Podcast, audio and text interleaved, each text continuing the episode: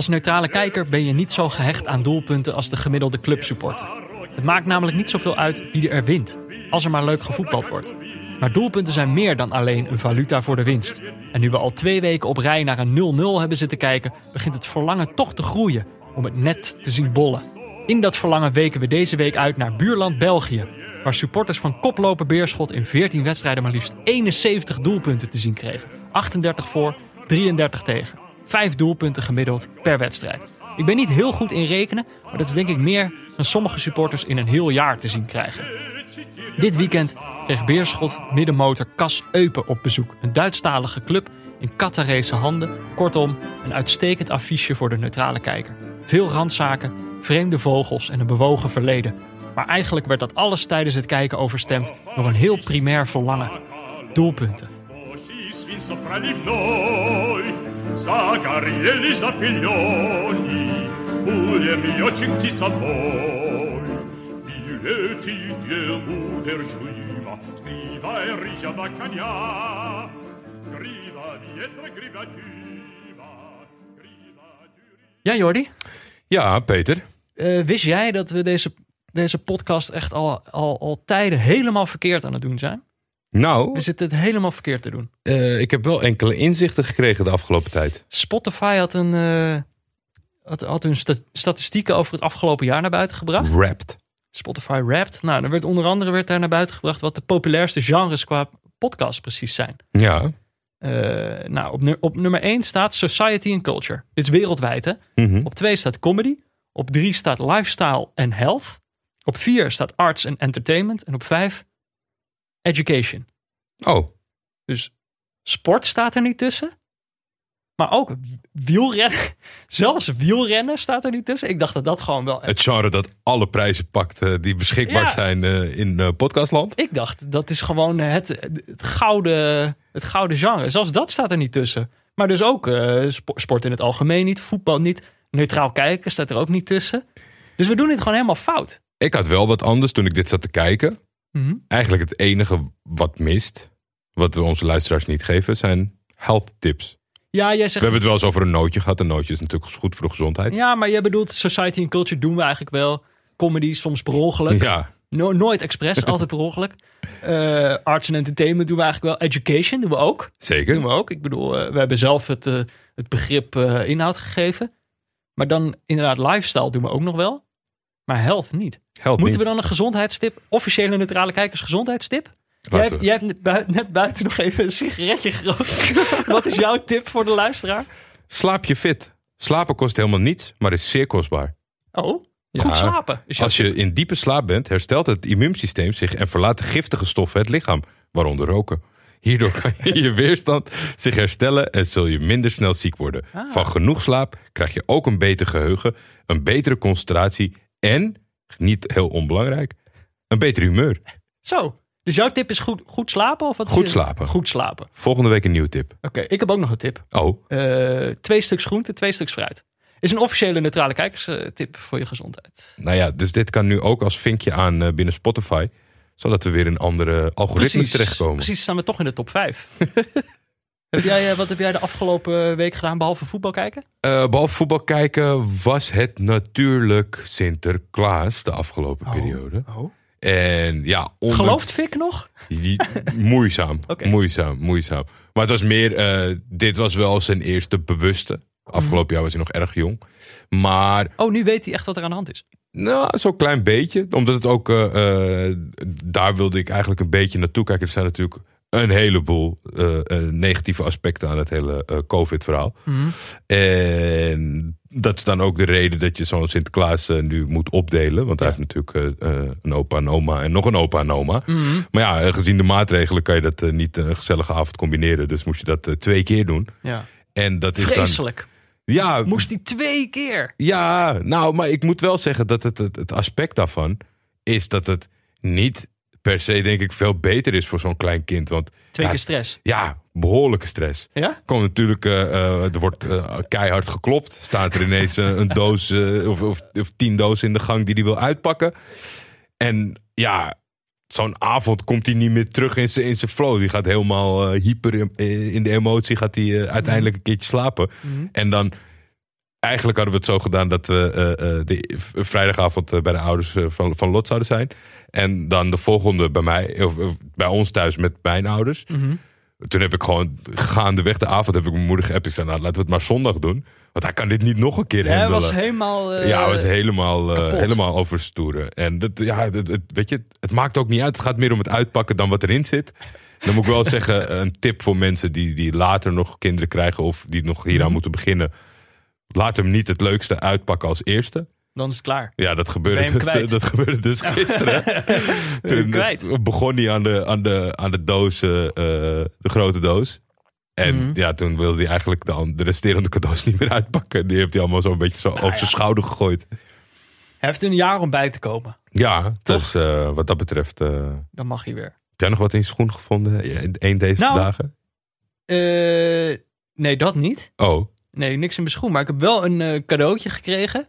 Ik ben eh, getest. Voor het eerst eh, deze hele pandemie. oké. Ik ben getest op COVID-19, eh Jordi. En? En wat denk je? Nee, negatief, godzijdank. Dat was mijn Sinterklaas cadeautje. Oh, nou, dat is in ieder geval toch ja, iets goeds om te horen op het moment dat je wordt opgeroepen Oh, ja. om te gaan doen. Ja, zeg dat wel. Hoe was het? Nou, kijk, dat was dus precies het ding. Ik was bang.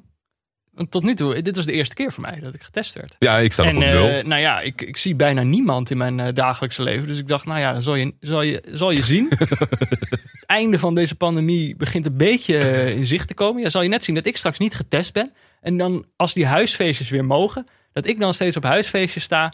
En dat zij dan allemaal praten over hoe dat voelde, een test. En dat ik dan niet kon Niet meepraten. Maar Ja. dat ik dan, weet je wel, net zou doen alsof ik wel wist waar ze het over hadden. Dus dan wel doen alsof ik ook een keer getest was, terwijl dat niet zo was.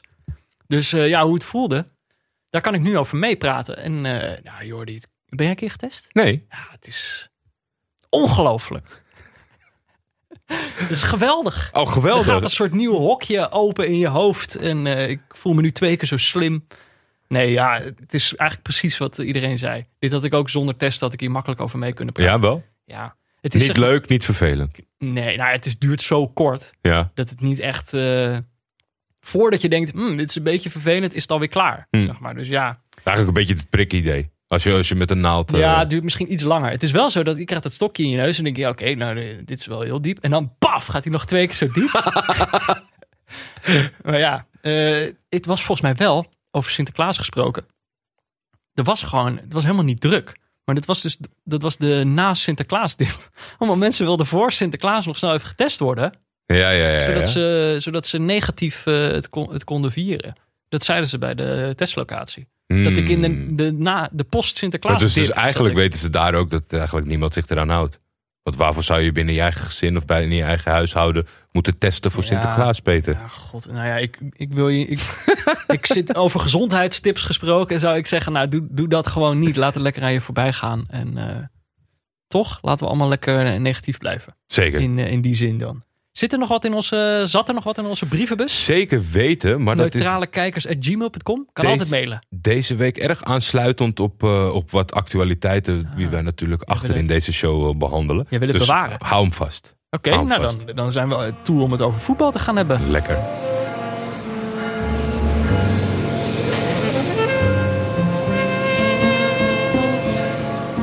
Er zijn jongens die, die geen rekeningen niet meer kunnen betalen, die geen inkomen niet meer hebben. Ja, dat is, dat is de realiteit. Kijk, wij zijn heel, helemaal niet gelukkig met deze situatie.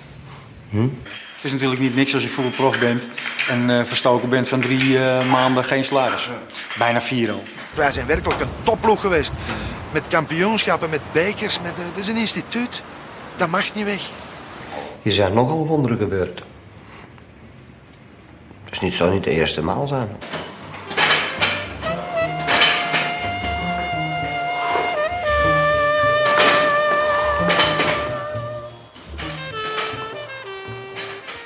Ja, want de wedstrijd die we deze week keken was Beerschot VA tegen Kas Eupen. Ja. En eh, we luisterden zojuist naar een fragment van eh, Beerschot in de problemen. Dat was een reportage die volgens mij werd uitgezonden door Barend en van Dorp. Jazeker. Eh, Gemaakt door Walter de Wit. En waarvan een link naar mij werd gestuurd door jou. Want jouw wedstrijdvoorbereiding bestond eruit dat jij op, op YouTube in het verleden van Beerschot ging duiken. Of hoe moet ik dit precies zien? Eh, ik was natuurlijk op de hoogte van het feit. Kijk, het heet nu Beerschot VA. Mhm. Eh, het heet Beerschot Wilrijk. Het heet Germinaal Ja, Beerschot. is dat dezelfde? Want dat is, ik had heet het geen. nou ja, dat eh, ehm, is toch een beetje de conclusie van mijn onderzoek. Ik weet het niet. Geen idee. nou ja, ik, ik, ik gaf een klein voorzetje met betrekking tot eh, de, eh, de stamnum, st- stamnummersituatie in Mhm. België.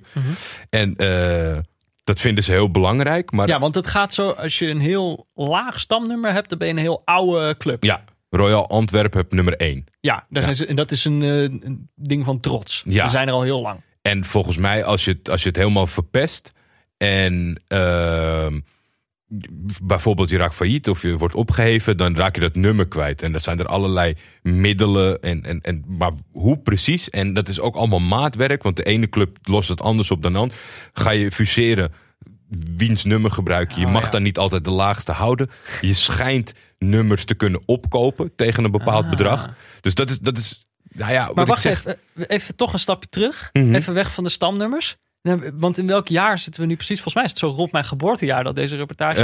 Eh, dit is 97. Nee, toen was ik al wel een tijdje. Heb je Barend en Dorp ooit gekeken op tv? Ja, Niet niet, bewust. Maar mijn ouders eh, hadden dat vast wel eens aanstaan. Dat ik. Of ik heb alleen de persiflages gezien in de studio Spaan of zo.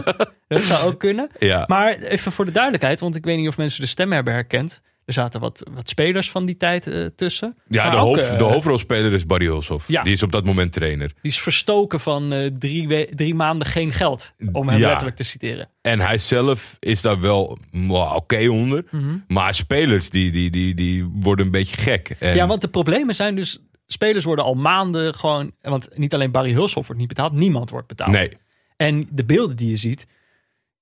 Die, je ziet ook wel aan die club dat er niet echt geld in gestoken wordt. Toch? Het ziet een amateurclub er gewoon uit. ja. Het, is alsof, het ziet er gewoon uit alsof ze in de gevangenis zitten. Het is, het is heel triest gesteld op dat moment. Ja. En eh, eh, eigenlijk gaat het erover van... Is dit nu het einde, ja of nee? Want hij, eh, de maker Walter de Wit is echt op het moment...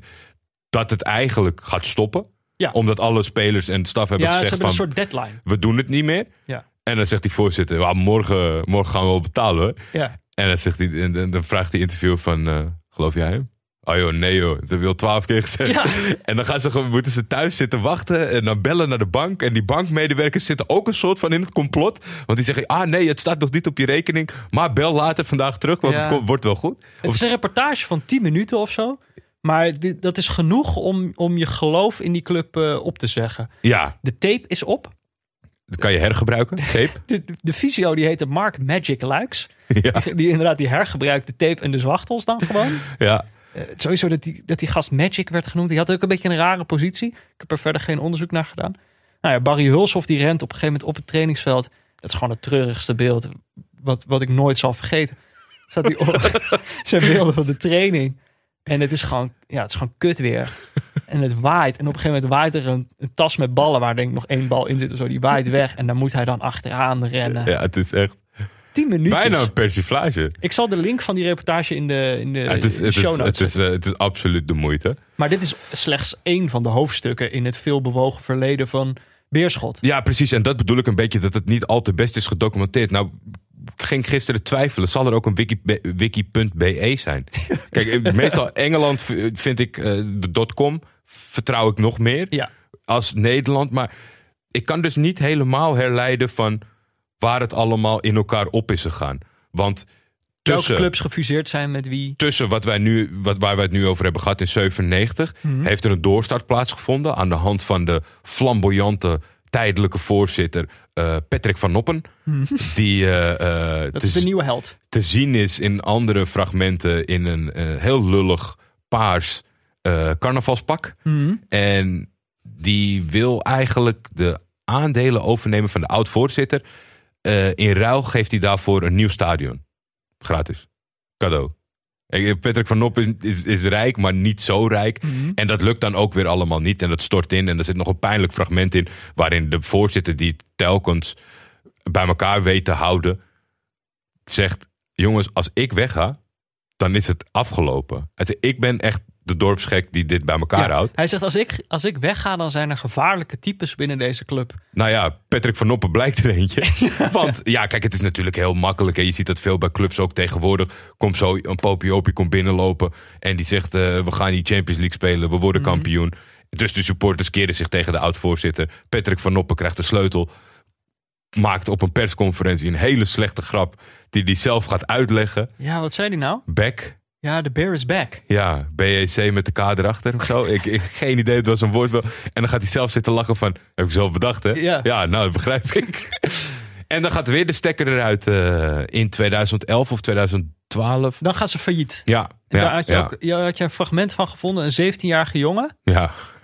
uit de, uit de regio, denk Een ik. supporter die eh, op tienjarige leeftijd voor het eerst wordt meegenomen door zijn vader naar de club. En zeven jaar later is het afgelopen. En hij schrijft een liefdesbrief aan de club die op Ja. dat moment failliet gaat. Zullen we naar een heel klein stukje luisteren? Ja.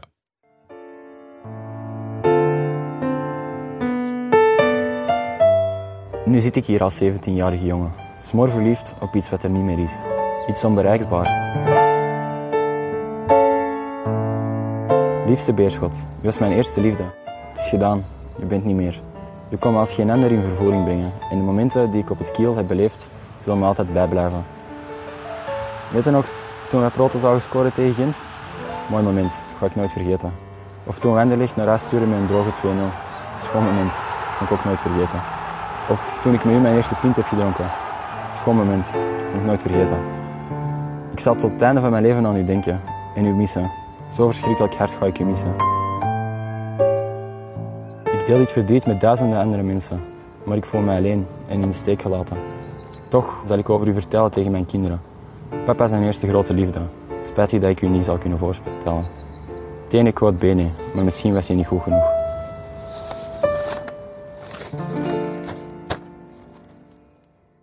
Maar ja, kijk wat die jongen niet weet. Ik bedoel, zijn hele hart en ziel zit hierin.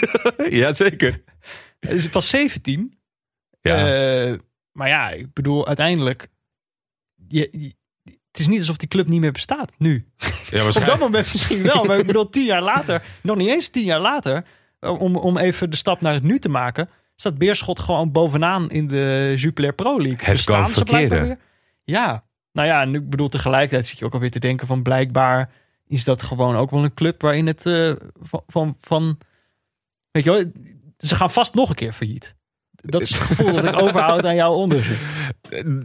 Nou ja, ik, als, ik het, als ik het per se moet voorspellen, dan denk ik dat de kans groter is van wel dan van niet. Ja, want oké, als we nu dus in het actuele zijn gekomen... Mhm. En dan komen we eigenlijk ook bij de reden waarom we deze wedstrijd gingen kijken. Is het gaat nu gewoon super met Beerschot. Zeker. Voorafgaand aan deze wedstrijd stonden ze eerste in de Jupiler Pro League. Ze zijn een ware doelpuntenmachine. Ik noemde het in de intro al even. Maar zowel in hun eigen goal als in die van de tegenstander wordt er heel veel gescoord. Een greep uit uitslagen. 6-3, 5-5, 5-2, 1-4. Gemiddeld heb ik even uitgerekend met de rekenmachine. Vijf goals per wedstrijd. Dus dat is gewoon, het is altijd eh, spektakel bij die club. Interessant is ook dat ze geen, niet eens de topscorer hebben van de competitie. Nee, het is netjes verdeeld. Dus ze doen het, eh, ze doen het echt samen. Er is wel één sterspeler, maar ze doen het wel echt samen. Ja, Ja, de sterspeler is eh Holzhauser. Toch? keek ik ontzettend naar uit om eh, in actie te gaan zien. Al tien goals en negen assists. Ja, links op het middenveld. Is, niet, is niet niks. Nee, maar oké, kijk, ze hadden ook nog. Dit is eigenlijk de reden waarom we gingen kijken. Namelijk dat als Beerschot speelt, wordt altijd veel gescoord. We hadden twee 0 nulletjes gezien. Het was, het was mooi geweest. We wilden nu goals zien. Ja, en je hebt zo'n oud, oude term die vaak wordt toegepast, maar eigenlijk nooit als huisstijl wordt gehanteerd. Dus van als je er maar één meer maakt dan je tegenstander. Ja. En dat lijkt echt. eh, Dat zien wij het liefst. Ja, en dat lijkt ook daadwerkelijk misschien wel gewoon de tactische aanpak van trainer Losada. Dus ik was drie- benieuwd. en- ja, maar inderdaad, 33 goals tegen is ook enorm. Maar ja, je maakt er dus Ja, gewoon als je weer is, tegen. het, het, Ja. het klopt wel. Het, het gezegd, of tenminste, de, Ja. spraak, de spreuk klopt. Ik denk dat het, eh, het is heel slecht voor je hart als supporter. Maar als neutrale kijker wil je gewoon dit soort kamikaze voetbal zien. Dus daarom gingen we kijken. Maar ze hadden natuurlijk ook een tegenstander. Mhm. Eh, en dat was dan ook niet, niet eens eh, zo verkeerd. Toch? Dit, dit prikkelde mij ook nog wel. Cas Eupen. Eupen, ja. Dus, uit Eupen ligt helemaal tegen de Duitse grens. Ze spreken. Spreken? Ja. ja. Jij stuurde mij in jouw YouTube-onderzoek stuurde jij ook het clublied. Dat is mooi, hè? De, de hymne. Ja, het was zowel het was grotendeels Duits. Met een, met een tagline die Duits en Frans was. Ja, omdat ze waarschijnlijk ook eh, in Wallonië liggen. Ja. Dat heb ik dan weer net niet eh, gecheckt, maar dat Eh. lijkt me dan het meest logisch. Sinds Eupen op het hoogste niveau speelt, weet ik dat er een gebied in België is dat Du- Duitsstalig is. Want dat wist ik niet. Eupen moet je dan waarschijnlijk zeggen. Maar de, en dan zongen ze iets van eh Weer zijn daar. Un Ella, Ja, zoiets. Maar, en dat is dan gewoon We zijn er, Ja. is dan de vertaling. Dat vind ik toch ook altijd een beetje... Dat is ook de city slogan van Tilburg. ja, nee, dat is Tilburg, je bent er. Ik denk, ja, dat is het meest basale. Ja. Zo van, je bent er. Ja, dat, nou ja, dat weten we. Ja, maar ik denk dat je best wel als je. Als, Als je, dat je identiteit is, dat je er bent. Als je nou in een, in een gebied woont waar je echt gewoon een taal van een buurland spreekt, denk ik ook dat je je wel een beetje. Op den duur ga je dan toch wat op de achtergrond wegcijferen. Dan Ja. ga je niet, word je niet. Nou, kijk, Eupen heeft ook heel lang op de achtergrond van het Belgische voetbal eh, gespeeld. Ja, denk misschien wel bewust van. Oh, pop, pop, pop, laten wij maar niet. eh, Ze, pas Met- in 2010, 2011 hebben zij pas op het hoogste niveau gespeeld. Dat was voor het eerst. Het was bestonden al eh 60 jaar op dat moment. mhm. 1945 opgericht, Ja, geloof Dat ik. dacht ik ook eh, te lezen. Ehm, maar ze speelden dus 2010, 2011, eerste seizoen op het hoogste niveau. Eh, ze promoveerden toen. En dat is ook weer zo'n hele... Zo, volgens mij typisch Belgisch dan weer een licentie-kwestie. Dat dan de eigenlijke kampioen van de tweede divisie kreeg geen eh, licentie. Was ook weer een Antwerpse club. Eh, waardoor zij als nummer twee een stap naar de bovenste competitie mochten maken. Meteen weer gedegradeerd Ja, kwam te vroeg deze stap. kwam te vroeg, maar dan eh, komt eigenlijk de grootste verandering in deze club. komt dan. Dat ze in 2012 worden over- overgenomen door de Aspire Zone Foundation. Dit is een, het is een Qatarese club. Of ja, een club, een Qatarese organisatie. De Aspire Acad- Academy hebben die onder andere. En het is een beetje, volgens mij komt dat sinds ze het WK hebben. Ja. Kwamen ze erachter van, oh ja, maar dan is misschien... Dan moeten we ook meedoen aan het WK. Moeten we misschien ook wat voetballers hebben? Ja, ja en Toch? nee. En dit is volgens mij gewoon allemaal. Kijk, er is daar natuurlijk een, een, een gigantische portefeuille opengegaan. Om dat WK heen. Mhm. Om helemaal een beetje voetbalminded land te worden. Want als je kijkt naar de spelers die worden toegewezen eh, naar Kas Eupen. dan valt dat wel mee, Ja, zeg maar, in locals. via Eupen krijgt vanaf dit, dus, dit moment, ze krijgen niet alleen geld, maar ze krijgen ook allemaal spelers uit de Aspire Academy. Niet overdreven, bakken spelers. Ja. Hele karrevracht aan spelers worden naar binnen gereden. Ja. In, het eerste, in het eerste overnamejaar zijn er volgens mij 18 of zo die er worden aange, die er moeten, Ja. onder, is- die worden rondergebracht. Het is grappig, het is ook een beetje, het is ook een beetje loesje gevoel, krijg ik ervan, toch? Ja. Qatar zijn allemaal voetbalscholen in Afrika die ze daar bestaan. Senegal, Ghana geloof ik ook. Ja, het, is vooral, het is vooral triest als je, als je zeg maar kijkt naar die eerste lichting. En volgens mij is het daarna ook wel snel wat gewijzigd. Want dat is eigenlijk ook een beetje rondom de kritiek van de bouw natuurlijk. Er is nog steeds van alles mis Mhm. eh, in dat land met die werk. Maar ze, ze upscalen de hele tijd omdat ze natuurlijk op de vingers worden getikt. Ja. En onder controle zijn. Dat zie je hier ook. Want van die eerste eh, 10, 12 spelers. Er zijn, ten eerste zijn er twee van overleden al. Het zijn Ja, gewoon jonge jongens. Dat, dat- is opmerkelijk. ja. En er is helemaal niemand van terechtgekomen. De meeste voetballen bij lokale clubs, zover je dat kan achterhalen. Ja. Een heleboel hebben geen club. Dus ja, dat, dat, ik weet niet of je... Er zijn wel eens van die stukken geschreven over van die voetbalmigranten. Weet je, die jongens die Mhm. gewoon verdwalen over de wereld in de zoektocht naar een voetbalclub. Ja. Nou, dat had, zeker in het begin had hier eh, dat heel veel weg van. Het, het is nu wat geleidelijker. En ik denk ook eh, wat talentvollere jongens die uiteindelijk hier belanden. En zo ook hun weg vinden naar andere verenigingen. Want ze hebben wel ook een paar namen die daar gewoon gestart zijn. Henry Onyekuru is natuurlijk een voorbeeld dat Ja. ik veel heb zien spelen. Moussa Wagué zit tegenwoordig in Griekenland. Nou ja, die zat eh, in ons eerste seizoen zat hij in de WK-selectie van Senegal. Ja. En nu, hij speelt nu volgens mij bij Lille of bij Nice, een van die twee eh, clubs. Of vorig seizoen. Nee, ik heb hem bij gezien. Bij PAOK dit seizoen tegen PSV. Ah, oké, Hij is van Barcelona B naar PAOK gegaan. Ja. En Cabacele, die heeft er ook gezeten. Die zit bij Watford nu. Ja, en het is zo. Ik bedoel, ze krijgen een hoop, eh, hoop spelers en dan moeten ze maar uitzoeken wat ze ermee doen. Maar eh, het werpt wel zijn vruchten af. 2016, 2017 promoveren ze voor de tweede keer Ja. naar het hoogste niveau. Eh, en eigenlijk sindsdien zijn ze niet meer verdwenen. Ze belanden eigenlijk stevast tussen de dertiende en de vijftiende plek. Ja, ik denk dat het dit jaar misschien wel een paar tikkeltjes hoger kan. Nou ja, eh, kijk, dit seizoen tot nu toe zijn zij eigenlijk meer een beetje het gevaar voor onze hoop op doelpunten. Omdat eh, zij hebben de 17 voor 21 tegen in 14 wedstrijden. 2,7 doelpunten per wedstrijd is gewoon, eh, ja, is toch eh, flink minder dan 5. Is een, stuk minder dan vijf. Maar voor ons Ja, die vaak belanden bij 0-0'tjes. Op een of andere Nou ja, manier. eh, we hadden ontzettend goede hoop. Maar dan fluit die scheidsrechter, Jordi. Ja, En wat gebeurt er dan? Wat gebeurt er dan? Dan, dan zie je heel snel eh, dat eh, Eupen niet is gekomen om, eh, om te verdedigen. Dat ze niet onder de indruk zijn van de doelpuntencijfers van de tegenstander, Beerschot. Want je krijgt een, een redelijk open wedstrijd. Waarin Eupen het voortouw neemt aanvallend gezien. En nou ja, gezien puur en alleen als je naar de cijfers kijkt, dan begrijp je dat de achterhoede niet de beste linie is bij Beerschot. En ik vond het leuk om te zien dat zij dat ook zo zagen van, nou ja, we, we, we, we klappen erop en we gaan wel eens zien eh, hoe, hoe lang Ja. die achterste linie van ons het tegen kan houden. Ja, maar ik bedoel, 5-5, 6-3. Ik bedoel, dat zijn toch ook uitslagen? Er is altijd wat te halen. Ja, ja, ja, precies. En eh, heel snel dacht ik iemand te herkennen, omdat wij natuurlijk de Afrika Cup hebben gekeken. En dat was eh, Knowledge Musona. Ja, Die, die speelde bij Eupen en die zag eruit redelijk eh, als een, eh, als een eh, verdette. Toen kwam er op een gegeven moment was er een fout. nummer 10 heeft hij ook. hè? Ja, fout op de rand van de 16 van, van Beerschot. En hij ging met heel veel flair erachter staan. Ja, hij schiet hem dat stadion uit. Toen dacht ik, oh ja, dat is ook knowledge. Ehm, voor, ja, wat, wat, wat even kijken. Het is voetbal. Ja, hoe zou ik dat zeggen? Ik, ik, ik werd er soort van heel vrolijk van. Want we zijn inmiddels, denk ik, als we een half uur spelen, Zij is er nog niet gescoord. 0-0. Dan zou je normaal denken van, oh, daar gaan we weer.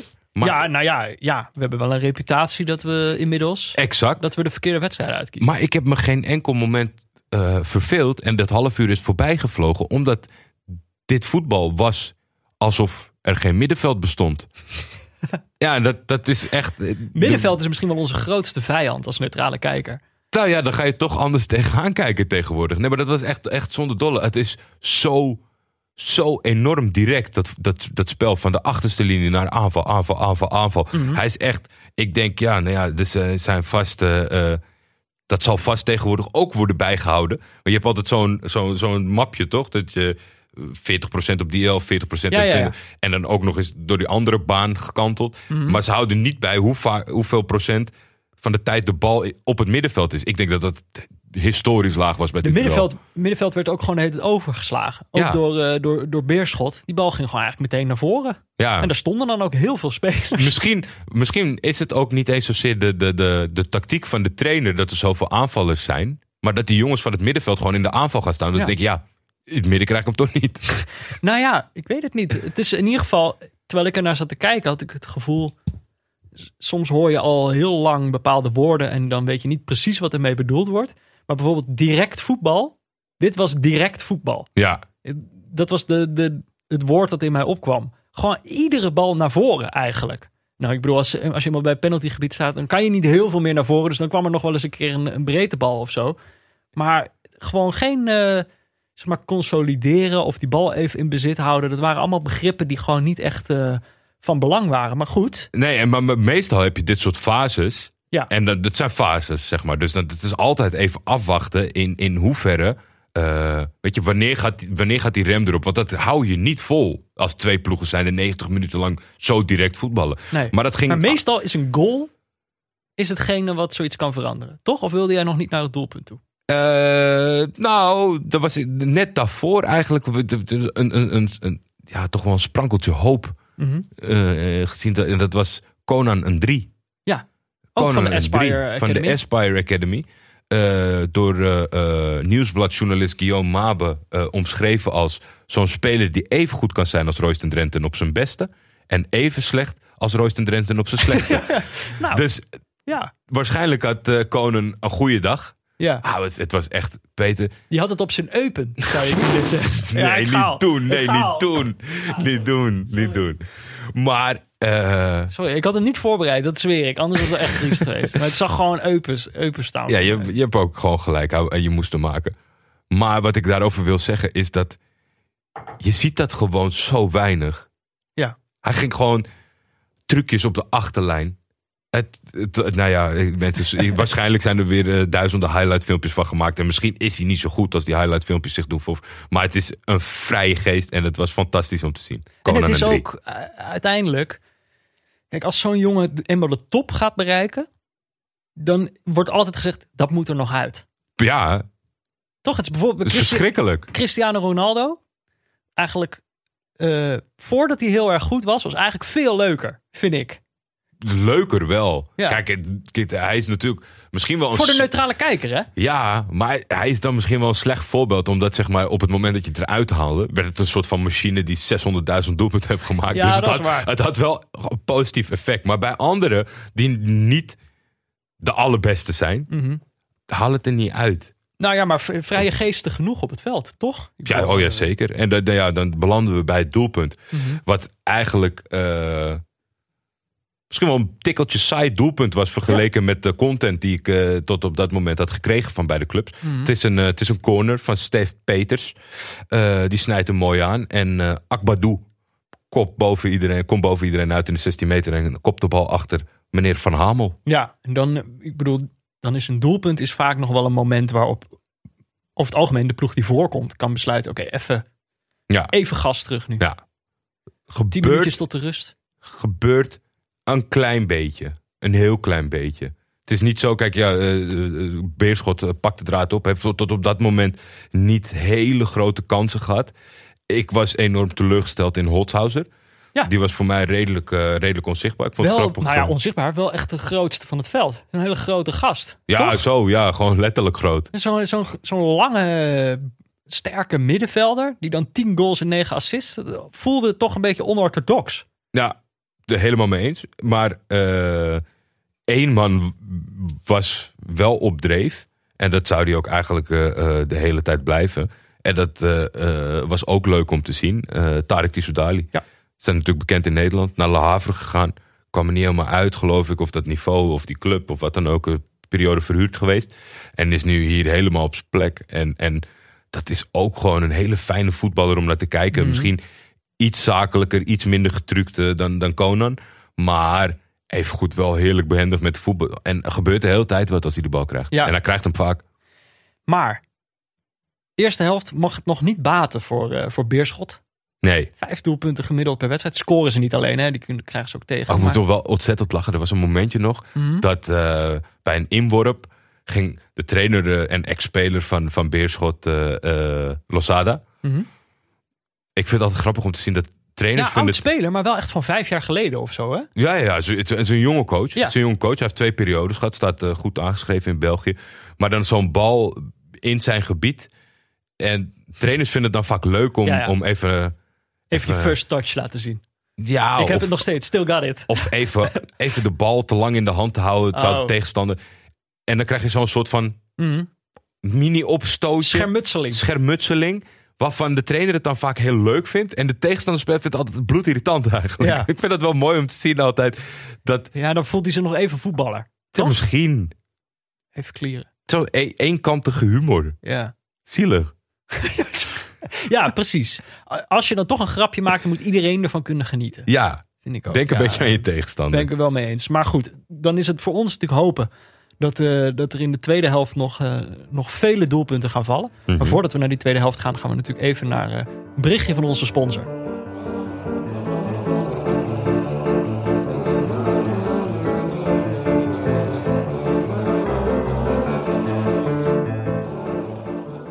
Want ook deze aflevering van Neutrale Kijkers wordt natuurlijk mede mogelijk gemaakt door Auto.nl.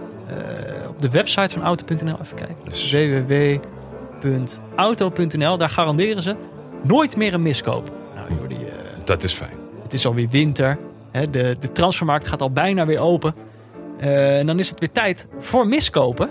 Ehm, maar, kijk, er is natuurlijk iedere week gebeurt er wel weer wat. Ik heb er weer eentje gevonden. Ja, Want er is deze week een contract verscheurd van iemand. Weet dat je is, wie? dat is nooit leuk. Van eh, speler Gesse. Gesse, ik denk Gesse. Gesse? Komt eh, uit de jeugd van Real Madrid. Ja. Is eh, toen voor 25 miljoen naar Paris Saint-Germain gegaan. Dus Heeft daar niet veel gespeeld. Heeft er niet heel veel gespeeld. Hij is uit, sterker nog, vier, vier jaar heeft hij er gezeten. Vier jaar geleden ging hij naar Real Madrid. In die vier jaar is hij verhuurd aan... Na een half jaar, toen hij er zat, werd hij al verhuurd aan Las Palmas. Daarna is hij verhuurd aan Stoke. Daarna is hij verhuurd aan Betis. Daarna is hij verhuurd aan Sporting Zo. uit Portugal. Die laatste, dat, ik was deze jongen helemaal kwijt. En dan, eh, dan, is, eh, dan, dan, dan zijn we zeg maar in het nu, Mhm. dit seizoen. Eh, nou ja, hij is veel in het nieuws, maar niet om het voetballen. Het zijn hele relletjes om die gast heen, allemaal reality eh, Social media is het, hè? Ja, er, was, er waren media. berichten dat hij aan het feesten was. Dus filmpjes dat hij aan het feesten is en zich overduidelijk niet aan de, aan de regels houdt. Hij raakte in een soort nou ja, Spaanse boulevardrel verstrikt omdat hij was vreemd gegaan. En zijn vriendin Oei, oei, is dan eh, is een, is, is een bekende Spanjaard. Dus eh, nou ja, dat eh, ging helemaal, helemaal mis. En eigenlijk tot op het punt dat ze bij Paris Saint-Germain zeiden... we hebben helemaal geen zin meer in deze gast. We gewoon, die hebben vandaag of gisteren hebben ze gewoon zijn contract verscheurd. Dus gewoon, hij heeft nu geen club. En ze hebben dus 25 miljoen betaald voor 283 minuten GC. Eén goal. That's it. Ja, is GC, miskoop. GC is zo'n eh, zo'n zo'n auto die je niet vindt bij het fantastische auto.nl. maar ergens in de krochten online. Waarvan Ja. je denkt van, nou, Een supercar eigenlijk. Maar daar goed, zit een goed addertje onder cv. dat. Goed cv. bij de juiste garages geweest. Maar dat klopt niet helemaal. Nee, dat is iets, eh, dat is iets in, de, in de tussentijd is daar iets helemaal fout gegaan. Je, wil, je weet niet wat er allemaal op de achterbank gebeurt. Nee, die je auto. wil ook eh, je wil, eh, absoluut geen GC kopen als zijnde auto. Dus daarom moet je natuurlijk naar auto.nl. Precies, als je die situatie wil voorkomen. www.auto.nl slash neutrale kijkers. Oké, tweede helft, Jordi. Ehm, ik denk dat ik het als volgt kan typeren, wat we hebben gezien. Ehm, kijk, heb de afgelopen weken zat ik steeds te zeuren over het slotoffensief. Zeker. Dat wat mij betreft eigenlijk altijd veel te laat begint. Dat er eigenlijk helemaal geen tijd meer is om doelpunten te maken. Dan gaat iedereen opeens aanvallen. Moet je dus eerder mee beginnen. Maar dat er ook ploegen zouden zijn, zoals Eupen. Eigenlijk de eerste helft deden ze het al een beetje. De tweede helft was gewoon... Het voetbal is het beste te typeren als een slotoffensief. En dan snap je opeens waarom het 5-5 kan worden bij zo'n club. Toch? Want dit was echt... Nou ja, het moest nog een beetje op gang komen. Ik denk dus dat misschien eh, de Spaanse trainer van Eupen het voetbalcliché erin heeft gegooid in de rust. Van jongens, 0-0 hè? 0-0. het is, nou ja, ja, Maar dat in, in, in Lost in Translation, dat die gasten denken, "Goh, met die VAR, met, met de COVID, ik weet het al, misschien staat het wel gewoon 0-0. Misschien telt die ene niet. Eh, nou ja, want ze voetbalden niet alsof ze voorstonden, bedoel je. Eupen. Zij, zij wisten niet dat ze voorstonden. Dat kan bijna niet. Want eh, Anders is de meest positieve ploeg op aarde. Beerschot ging gewoon dus lange bal naar voren. eh, en dan eigenlijk zo snel mogelijk schieten. Dat Kans, kans, kans, ook kans, toch? kans. Best wel vaak van afstand schieten. Maar ook ja, zo'n lange bal vliegt er ook wel eens overheen. Staat opeens een spits oog in oog met de keeper. Maar keerzijde daarvan natuurlijk. Van zo vol overgaan aanvallen. Bijvoorbeeld bij Ajax in de Champions League gaat steeds over restverdediging. Mhm. Nou, eh, ik weet niet eh, hoe ze dat in, eh, in het Waals of in het, ik weet niet hoe ze dat daar zeggen in, in Antwerpen. Maar daar, daar was gewoon geen spraak van. Er, Nee. er was niet eens verdediging. Nee, Het is gewoon iedere keer als ze hadden aangevallen, dan kon Eupen gewoon counteren. En dan kwam een van die spitsen, en Goy en baby, en Baby, Babi, Babi. Babi. Ja, dat zei de, dat zei de Franse commentator, Franstalige commentator. Ja, maar je leest baby en dat vind ik leuker. Ja, en die- Maar baby is 2 meter 20. En, en, en een stuk sneller dan eh, Frans en Berg en Veel Pieter. sneller. Maar dat was echt gênant. Eupen staat dan natuurlijk ook met een hele hoge lijn te verdedigen. Nou, die bal ging daar de hele tijd overheen. En die eh, Babi en eh Ngoy waren gewoon veel sneller. Dus die hebben, denk ik, gewoon wel ja, vijf. Ik vind vijf is misschien al te weinig. We gewoon zo vaak oog in oog met eh, Van Hamel. Van eh, Ja, keeper Van Hamel van Beerschot gestaan. en wij waren onder de indruk van de keeper. Ja. Omdat hij heel goed was in die één op één Die pakte situaties. iedere één op één eh, situatie pakte die. Vanochtend kreeg ik een artikel doorgestuurd van Gert. Gert Gijssen van eh Shotcast. Mhm. Van Hamel. Specifiek getraind op één tegen één situaties. Kijk, Zo cynisch kan voetbal zijn. Mike van Hamel speelde tegen Eupen wellicht zijn beste wedstrijd van het seizoen.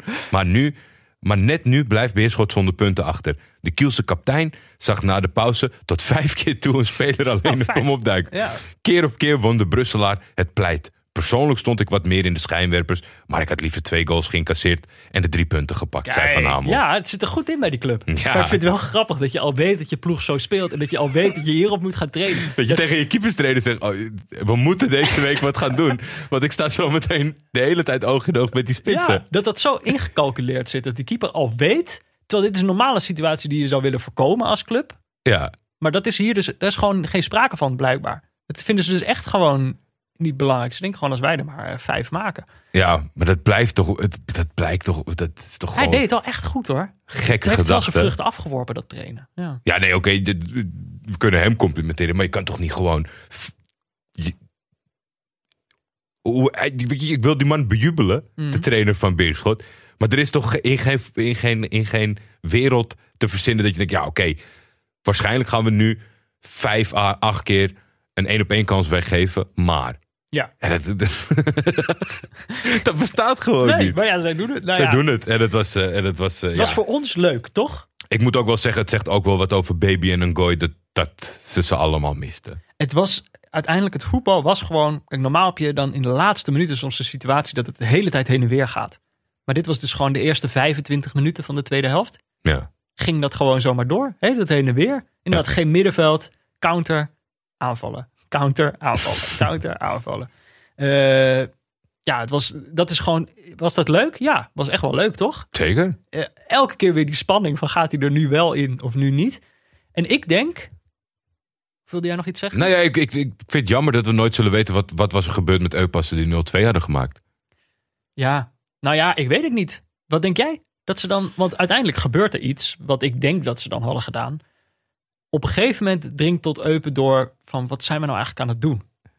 Er Ja. gaat er, de knop gaat om, namelijk wat Dat Menno Koch erin komt, dat moment. er is gewoon een moment inderdaad, ze halen een spits eraf. Ja. Menno Koch is voor sommigen misschien oud PSV, oud NAC, ook nog wel een bekende naam. Ja, Eh, en dat is een verdediger. Dus die wordt dan gewoon ingebracht. ja die komt dan- erin voor Baby. en op dat moment is de, de intentie van Eupen ook wel duidelijker. Van oké, we gaan nu het wel echt gewoon dicht houden. Er staan gewoon nog meer van die wit-zwarte muur. Voor, het is echt een soort handbalverdediging.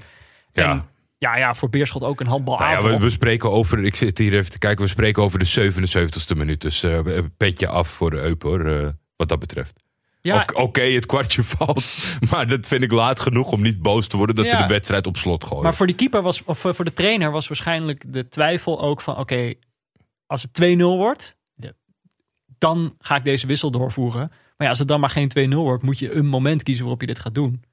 En, ja, plus eh, misschien toch wel, hij- toch wel de angst dat eh, de kans heel groot wordt met dit beerschot dat ze 1-1 zouden maken. Ja. En dan heb je al een verdediger extra Nou, erop ja, staan. maar die kans was ook groot, toch? Ze hebben drie keer op de, op, op de paal of lat geschoten. Ja. Er zijn twee of drie ballen van de lijn gehaald. Oh, die ene, ik dacht echt 100% dat het erin zat. Maar dat zie je in de herhaling dat het echt niet over de lijn is. Maar ik dacht, ik, die Ze telde hadden ik er echt. dus ook gewoon wel vijf kunnen maken, Ja. Beerschot. Het is heel grappig. We, ke- we, we hebben gekeken naar een 0-1 die 5-5 had kunnen eindigen. En misschien wel moeten als de kwaliteit van de afwerking wat beter was. Ja, en er was nog één klein momentje dat voor Mi- Mike van Hamel, keeper, Mike heet hij toch?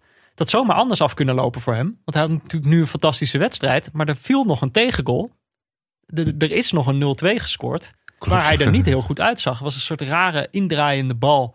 Nee, afdraaiende bal vanuit de halfspace vanaf rechts. Oh ja, die kopbal. Dat hij te laat uitkomt. Ja. En dat die spits gewoon vrij over hem heen kan koppen. ja. Dat, daar zag hij er heel slecht uit. Maar dat was buitenspel geloof ik.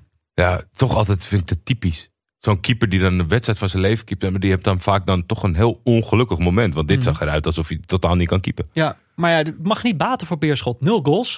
Ik denk vooral te danken aan het feit dat eh Eupen gewoon een soort muur heeft neergezet. Waardoor ieder schot dat ze loste gewoon geblokt werd. Ja. Zoveel geblokte schoten. Ik moet wel zeggen, de keeper van eh Eupen... die werkte ook wel mee om het allemaal nog wat spectaculairder te maken. Want die heb ik gewoon de hele wedstrijd geen bal klem zien pakken. Nee, Die dat bokste is eh, alles terug. één voor de samenvatting. Defournie heette die. Nou ja, en eh, uiteindelijk... Oké, dan moeten we al langzamerhand al naar de conclusie gaan, denk ik. De wedstrijd wordt afgefloten. 0-1. Eupen wint in, bij Beerschot. Ehm, wij schakelen in voor, voor Beerschot.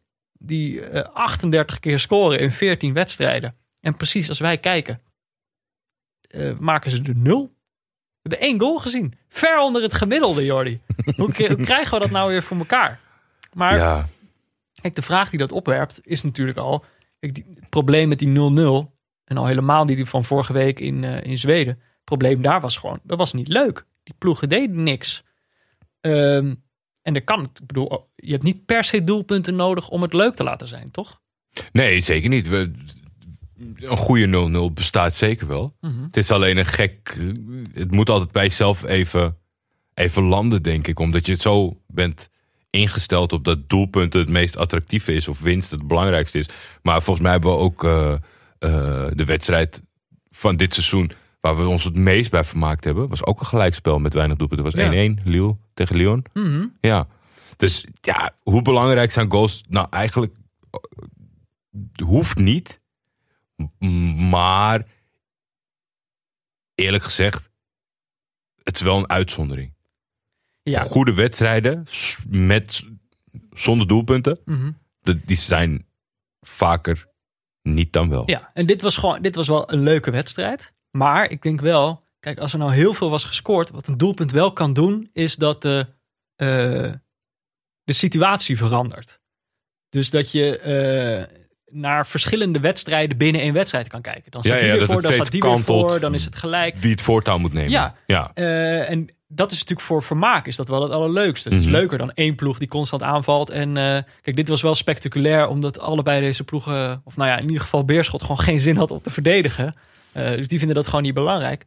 Maar eh, het is wel leuker als een wedstrijd een beetje kan Op en neer gaat. Ja. denk ik. En daar zijn doelpunten wel echt essentieel voor. Mhm. Kijk, een 0-0 is wat dat betreft toch een. Het is. Daarmee begint een wedstrijd mee. Dus als het eindigt, dan heb je toch het gevoel alsof er niks is gebeurd. En een goal is toch altijd zo'n gemarkeerd moment dat je herinnert, hier is eh, gescoord. Dus toch ook voor de neutrale kijker, denk ik, is het toch wel fijn als het gebeurt. Anders dan is het net alsof er niks is gebeurd. En wij zijn er niet zo goed in om dat van tevoren te kiezen. Nee, maar dit, deze keer was het echt niet onze schuld, vind ik. Nee, Kunnen wij je, er niks aan doen? als je praat over gemiddeld zeven doelpunten, deze, deze ploegen bijna, bijna acht gecombineerd. Ja, Wat kunnen wij dan nog? Ja, nou ja, eh, nou ja, ik weet niet of je het zo kan combineren. Volgens mij moet je dan weer het gemiddelde van die twee ploegen nemen. Dus ik denk dat je dan als. Maar dat bedoel, dan zou je alsnog op eh 3,5 of zo uitkomen. Het is schande. Ik, maar eh, ja, schande. Maar ik had nog een ander ding. Oh. Eh, Tim de Gier, mhm. toen hij hoorde dat we met deze wedstrijd weer maar één goal hadden gezien. Toen zei hij ja, als het gaat over het belang van goals. Kijk, Amerikaanse sporten, noemde hij als voorbeeld, die hebben eigenlijk hun sporten zo ingericht dat er en heel veel gescoord wordt. En dat het eigenlijk altijd op het laatste moment beslist wordt. Hm. Dus hij, hij zei eigenlijk nog, kijk, ik weet niet of ik het hiermee eens ben. Want ik vind bijvoorbeeld, heb het al als ik een keer per ongeluk handbal zit te kijken en er wordt heel erg veel gescoord, heb je ook gewoon, eh, een goal wordt dan ook gewoon veel minder waard. Tuurlijk. Dus ik vind eigenlijk, ik vind dat niet zozeer het probleem in voetbal. Dat er weinig gescoord wordt. Want daardoor zijn die, die paar goals die je maakt, zijn eh, extatischer. Veel impactvol. Ja. Ja. Dus ik maar ja, Tim, het- Tim is voor Arsenal, dus ik begrijp wel dat die inmiddels eh, bij baseball en bij honkbal eh, en- en basketbal is beland. Ja, voor zijn eigen ook. gemoed. Eh, nou ja, en ehm, op zich een leuke wedstrijd gezien dus deze week. Maar ik denk, eh, ja, we moeten, toch, we moeten toch een keer geluk hebben. Maar we gaan het zo meteen toch met Ja, meer doelpunten. moet, uiteindelijk moet het een keer goed vallen, Peter. Dat, dat zal toch wel. Maar we gaan het later nog hebben over eh, welke wedstrijd we volgende week gaan kijken met dat doel. Eerst maar eens, Jordi, Ja, moeten we het even hebben over Mourinho. José. José Mourinho. Heb je hem nog iets van hem gezien? Heb je iets voorbij Goed weekend gehad, denk ik. Ja. Toch? Kijk, uiteindelijk, wij moeten elke week even kijken hoe gaat het met Mourinho. Want eigenlijk als het goed, goed gaat met hem, hoe zei je dat nou? Dan is dat goed voor ons allemaal. Ja, Daar, daar hebben wij iets aan. Dus Zeker. Om, om te kijken naar hoe het met hem gaat. Nou, ik zat te kijken naar eh, Match of the Day. En ik heb dat fragment helaas niet, eh, niet opgenomen. Maar hij was helemaal een beetje aan het giechelen. Hij moest het zo lachen. En gewoon, en ik, ik vroeg me af ik of heb, het... ik eh, heb minutenlange compilaties voorbij zien komen. Arsenal is natuurlijk wel echt zijn... Hij heeft nog nooit verloren van Arsenal. Nee, maar dat is, dat is echt zijn... Volgens mij kijkt hij daar heel erg uit twee keer per jaar. Om gewoon Arsenal te kleineren. Ah ja. In zijn persco voor, na, tijdens. Mhm. En ja, ik moest giechelen om al, die, eh, om al die fragmentjes die ik dan toch weer, weet je, als ze dat dan achter elkaar k- plakken en dat is dan toch, Want hoe die ze loopt uit te dagen. ja, dan zeggen ze van, eh the fans were cheering, eh, boring, boring Chelsea. Mhm. Zeiden ja, boring. Als tien jaar lang eh, geen prijs hebt gewonnen, is best wel boring. Ik begrijp ze wel. En Ja. de specialist in failure en dat soort dingen. Maar dit, dit is echt Ja. zijn. Hij heeft wel een. Dat moet ik hem wel nageven. Hij heeft een hele goede rivaal uitgekozen. In Arsenal. In Arsenal. Omdat hij daar gewoon altijd van kan winnen. Waar hij ook zit. Ja, maar hij was hier, ik had hier het gevoel dat de emotie daadwerkelijk de overhand nam. Want even, hij staat eh, nog steeds eerste. Tappere league. Top of the league. En dat terwijl hij de afgelopen drie wedstrijden in de Premier League waren tegen Manchester City. 2-0. Tottenham. Of nee, niet Tottenham. Eh, Chelsea geloof ik, 0-0. Ja. En nu eh, Arsenal, 2-0.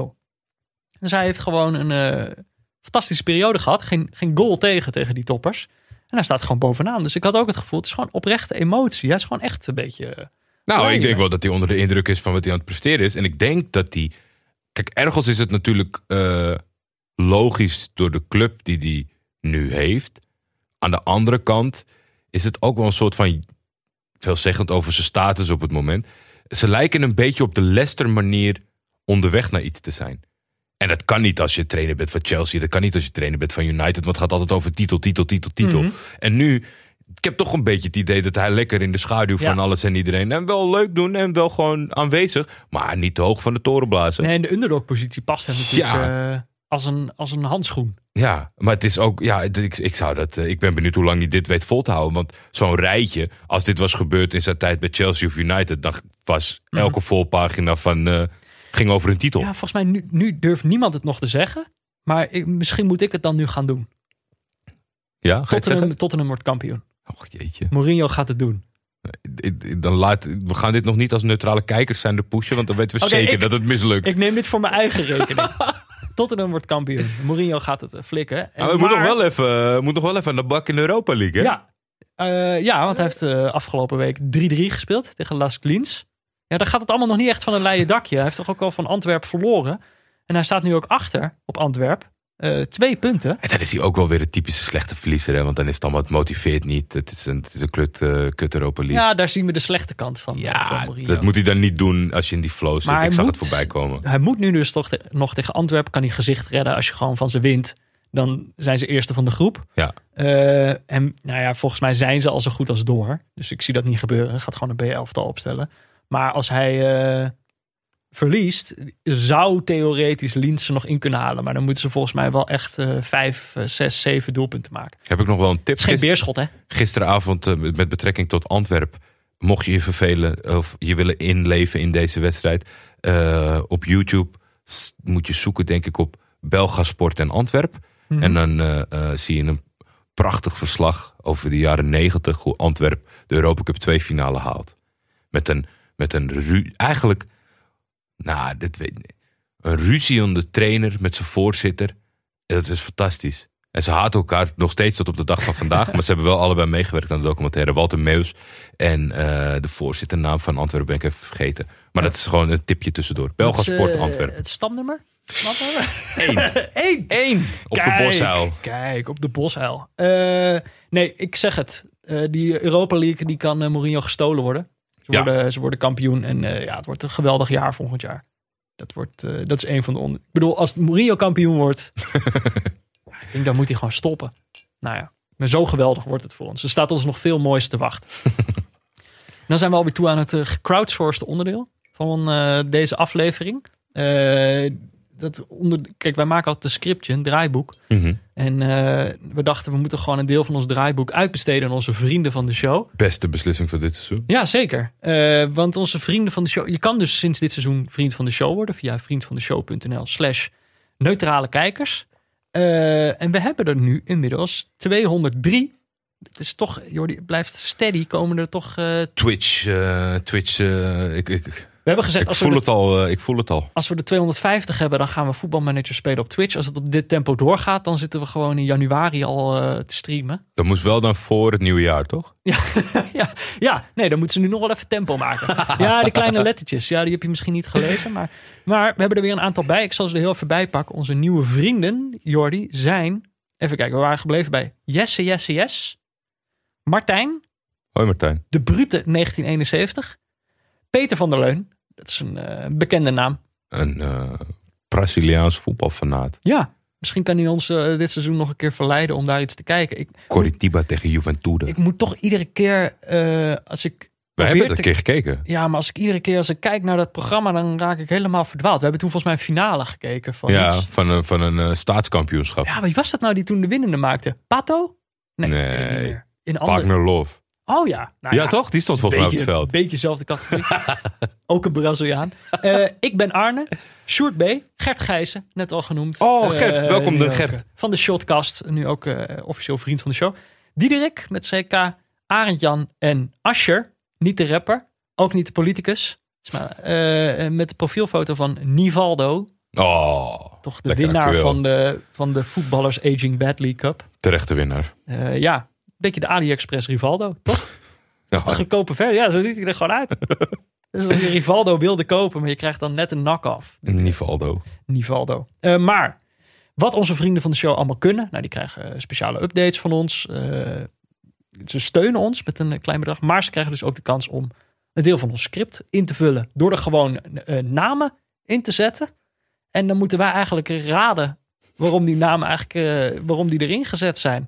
Eh, dat is eigenlijk hoe wij vaak zelf ook het script maken. Dan zit Jordi er een naam in. Dan denk ik, ja, wat, wat moet je hier nou mee? Nou ja, dat doen nu onze luisteraars. Maar dan moeten we er zelf achter zien te komen. Heb jij dan een naam waar je wat mee wil? Eh, even kijken, waar zullen we mee beginnen? Eh ja, Ik, ik heb er wel één. Ed de Goeie, geen idee. Nee, Twee keer vermeld. Ja. Barry Manning en Koen van Veen. Koen van Veen. Kijk, van Koen begrijp ik het nog. Die zet Ed de Goeie erin, want dat is ook zijn profielfoto. Dus die heeft zelf iets met Ed de Goeie. Maar Ja, maar het zo werkt het natuurlijk niet, hè? De namenlijst. Dat als jij wat hebt met Ed de ja, wij, ik moet er wat over zeggen. Ik heb geen idee. Ik heb lopen googelen. er is geen actualiteit over Ed de. Nee, niks.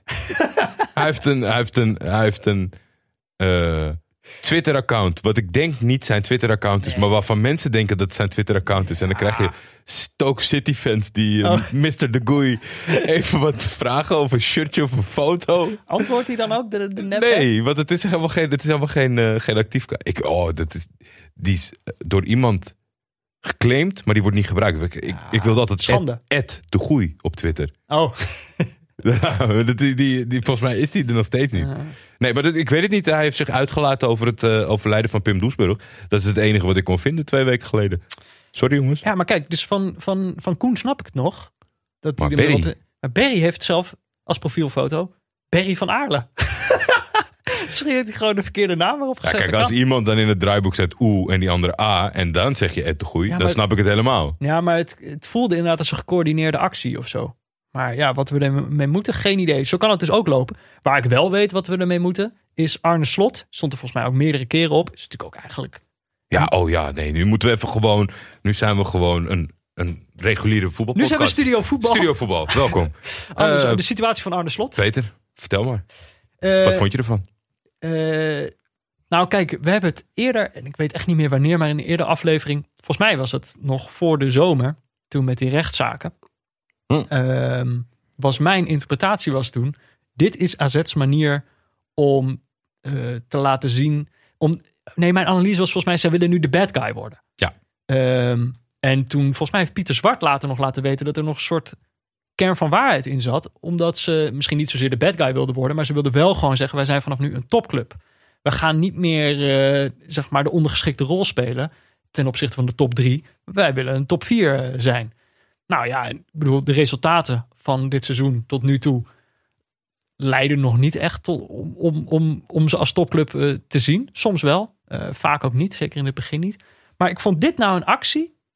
Oké, voor de mensen die dit gemist hebben, super knap als dat gelukt is.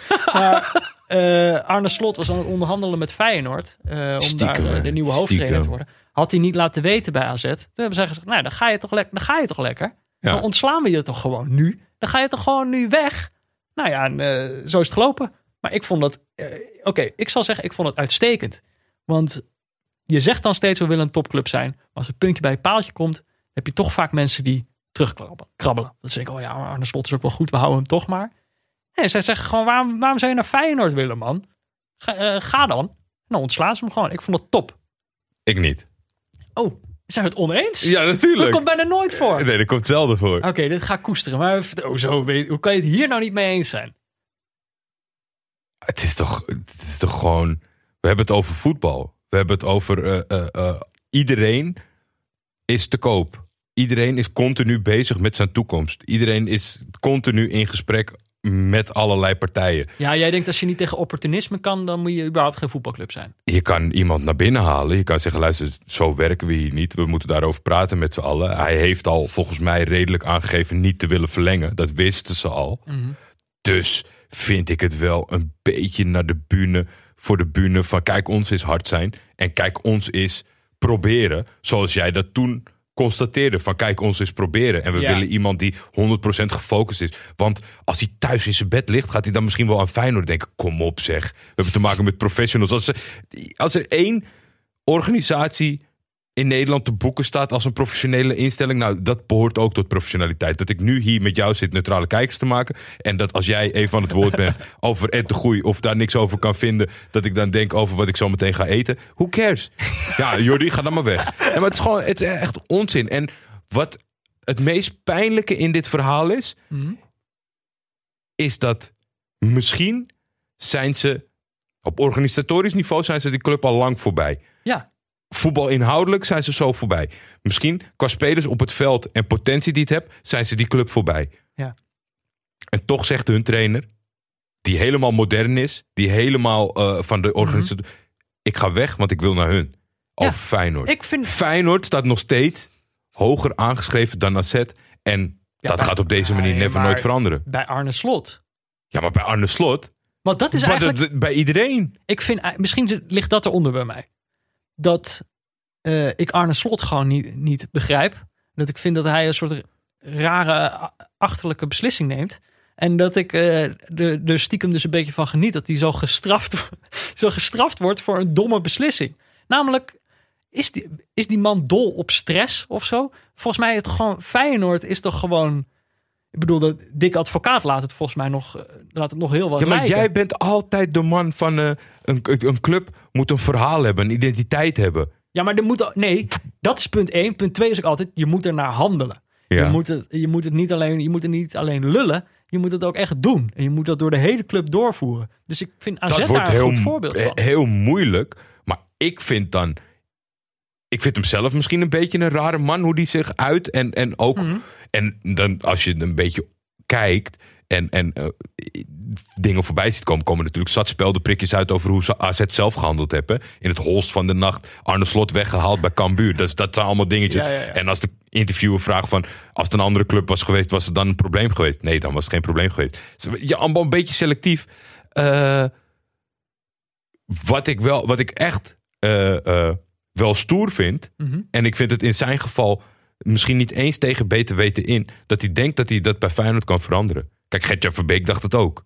Maar die dacht dat dat kon omdat hij dan eh, heel hard ging trainen en eh, het- stadion ging verbouwen. Ja. Maar ik denk dat hij die professionaliseringsslag wil maken bij Feyenoord. En dat hij mensen heeft gesproken die, dat, die daarachter staan. Nou heb ik wel al de traditionele jongens van de media Mhm. gehoord over hoe zij verwachten dat Slot het gaat eh, krijgen daar. Terwijl zij onderdeel zijn van hoe hij het gaat krijgen daar. Ja, ja, ja. Ze denken dat hij het zwaar gaat krijgen. Ja, dus nou, dat denk ik ook. Daarom denk ik, waarom zou je dat doen? Oké, tot zover eh, Studio Voetbal. ja. Heb je, heb je nog een volgende naam? Ehm, De- deze naam was trouwens opgezet door Derkwerk. Had hem nog- Derkwerk. Derkwerk. Had hem Even nog kijken, wat is ver, wat is ver weg bij. eh, Ja, dat- misschien voor jou. De cornervlag van Sheffield United. Kijk, Ja. dat, dat zie je niet. Dat krijg je niet bij Studio Voetbal. De cornervlag van Sheffield United. Ja, eh, dit is een combinatie. Even kijken, Sam van Assau en Josh hadden de cornervlag erop gezet. Maar Terror Thijs, Oh jeetje. what's in a name, die had Jamie Vardy erop gezet. Mhm. Die, die twee, eh, zeg maar, de cornervlag en Jamie Vardy hebben elkaar ontmoet dit weekend. Eh, want Jamie Vardy maakt in de, in de laatste minuut de, de winnende tegen Sheffield. Zijn, eh, zijn vorige club, volgens mij. Ik, nou, misschien dat hij in de tussentijd nog wat anders heeft gedaan. Maar Ja, hij heeft er wel ooit gezeten. Ehm, of ik zeg dit nou helemaal verkeerd. Misschien is hij wel van een andere Sheffield club en was dit juist de rivaal. Nou ja, goed. Dat laat ik allemaal. eh, daar, daar wil ik vanaf zijn. Ehm, Kan makkelijk nu we toch niet meer worden gerectificeerd. nee, precies. Hij heeft nooit gespeeld. gaat het Sheffield checken. Wednesday 2002. Ja, hij komt uit de je. jeugd van Wednesday. Ja, maar dit was Sheffield United. Hij is geboren in Sheffield. Ja, maar dit is, de- dan is dit gewoon de rivaal. Dan begrijp ik het iets beter. Hij maakt de winnende. Dat Ja. is al prachtig. Maar wat hij vervolgens doet, dat ging dan viral. en dat is ook waarom de naam op deze lijst wordt gezet, is dat eh, hoe die juicht. Dus hij eh, rent weg. Eh, het, heeft lekker geregend, dus het veld is glad. Hij maakt een sliding en tackelt zo de cornervlag. Pats! Keihard helemaal doormidden. Kapot. Nou, hij speelt natuurlijk uit bij Sheffield, dus het is ook een stukje, wel, een beetje het materiaal van de tegenstander slopen. Eh, moet ook zeggen, ik had een beetje meteen een beetje een, eh, een vieze smaak erbij. Eh, je kan, ik bedoel, ik kan niet in Vardy's hoofd kijken, maar de, hoe het eruit zag was niet helemaal prettig. Het was namelijk zo dat het deze week in de Premier League hadden ze juist een, een actie voor de acceptatie van LGBT Oh, ja. Niet, niet van de community. Ja. Dus dan hebben ze bijvoorbeeld veters in regenboogkleuren. De aanvoerders hebben een, een regenboogband om. En de cornervlaggen he- eh, hebben een, eh, Oh, een die, de vlag, ja. ja. Dus die trapt hij door midden. Waardoor je ook online meteen al mensen ziet die het op die manier interpreteren. Die dat dan ook mooi vinden. Dat hij zo'n scheid heeft aan die actie. Dus ik kreeg een heel smerige bijsmaak kreeg ik erbij. Ja, maar het is toch wel de mensen die het smerig maken. Want dat, dat ik Ja, vind hem, ik vind hem van? echt een tokkie. Maar Ja. niet, niet, niet, hij is geen Terry. Denk het ook niet. Maar kijk, dat is dus een van de dingen. En ik bedoel, je, je kan een, een voetballer die de winnende maakt in de laatste Hij minuut. zou het eerder per ongeluk in zijn vocabulaire hebben zitten... dan dat hij daadwerkelijk moedwillig Ja. zo'n cornervlag in twee Ja, slap als, als, maar als dus boodschap. Qua beeldvorming was het niet eh, fantastisch. Was het toch een stukje minder grappig, vond ik. Mhm. Eh, of hij het nou bedoeld heeft of niet. Maar kijk, het was natuurlijk ook... eh, een ander slachtoffer van deze actie... is natuurlijk de, Cornervlag. de, ja, de cornervlag. maar ook de materiaalman van Sheffield. Daar had ik een fragmentje gevonden. Wil je horen hoe die, hoe die zich voelt? Ja, graag. Of wil je het ook zien? Dan kan je misschien wel even zien. Ja, ik bedoel, de luisteraars zien dat niet, maar ik zal het linkje in de show notes zetten. Op vriendvandeshow.nl. Fucking Jamie Vardy. Fucking freak. Took me fucking ages putting them fucking flags on there and tying them. What? Je hebt dus gewoon, het beeld dat je ziet is, de, is die kapotte vlag die op de grond ligt. En een gast met een ongelooflijk eh, accent. Fucking Jamie Vardy. Nou ja, dat, vond ik, eh, dat is natuurlijk ook een van de slachtoffers. Dus het was grappig, maar denk ook eens na wat er allemaal nog meer gebeurt bij zo'n actie. Zou jij het goed vinden als wij vanaf nu de opbrengst eh, van eh, Vriend van de Show... gaan investeren in eh opwarmbekers voor knakworsten?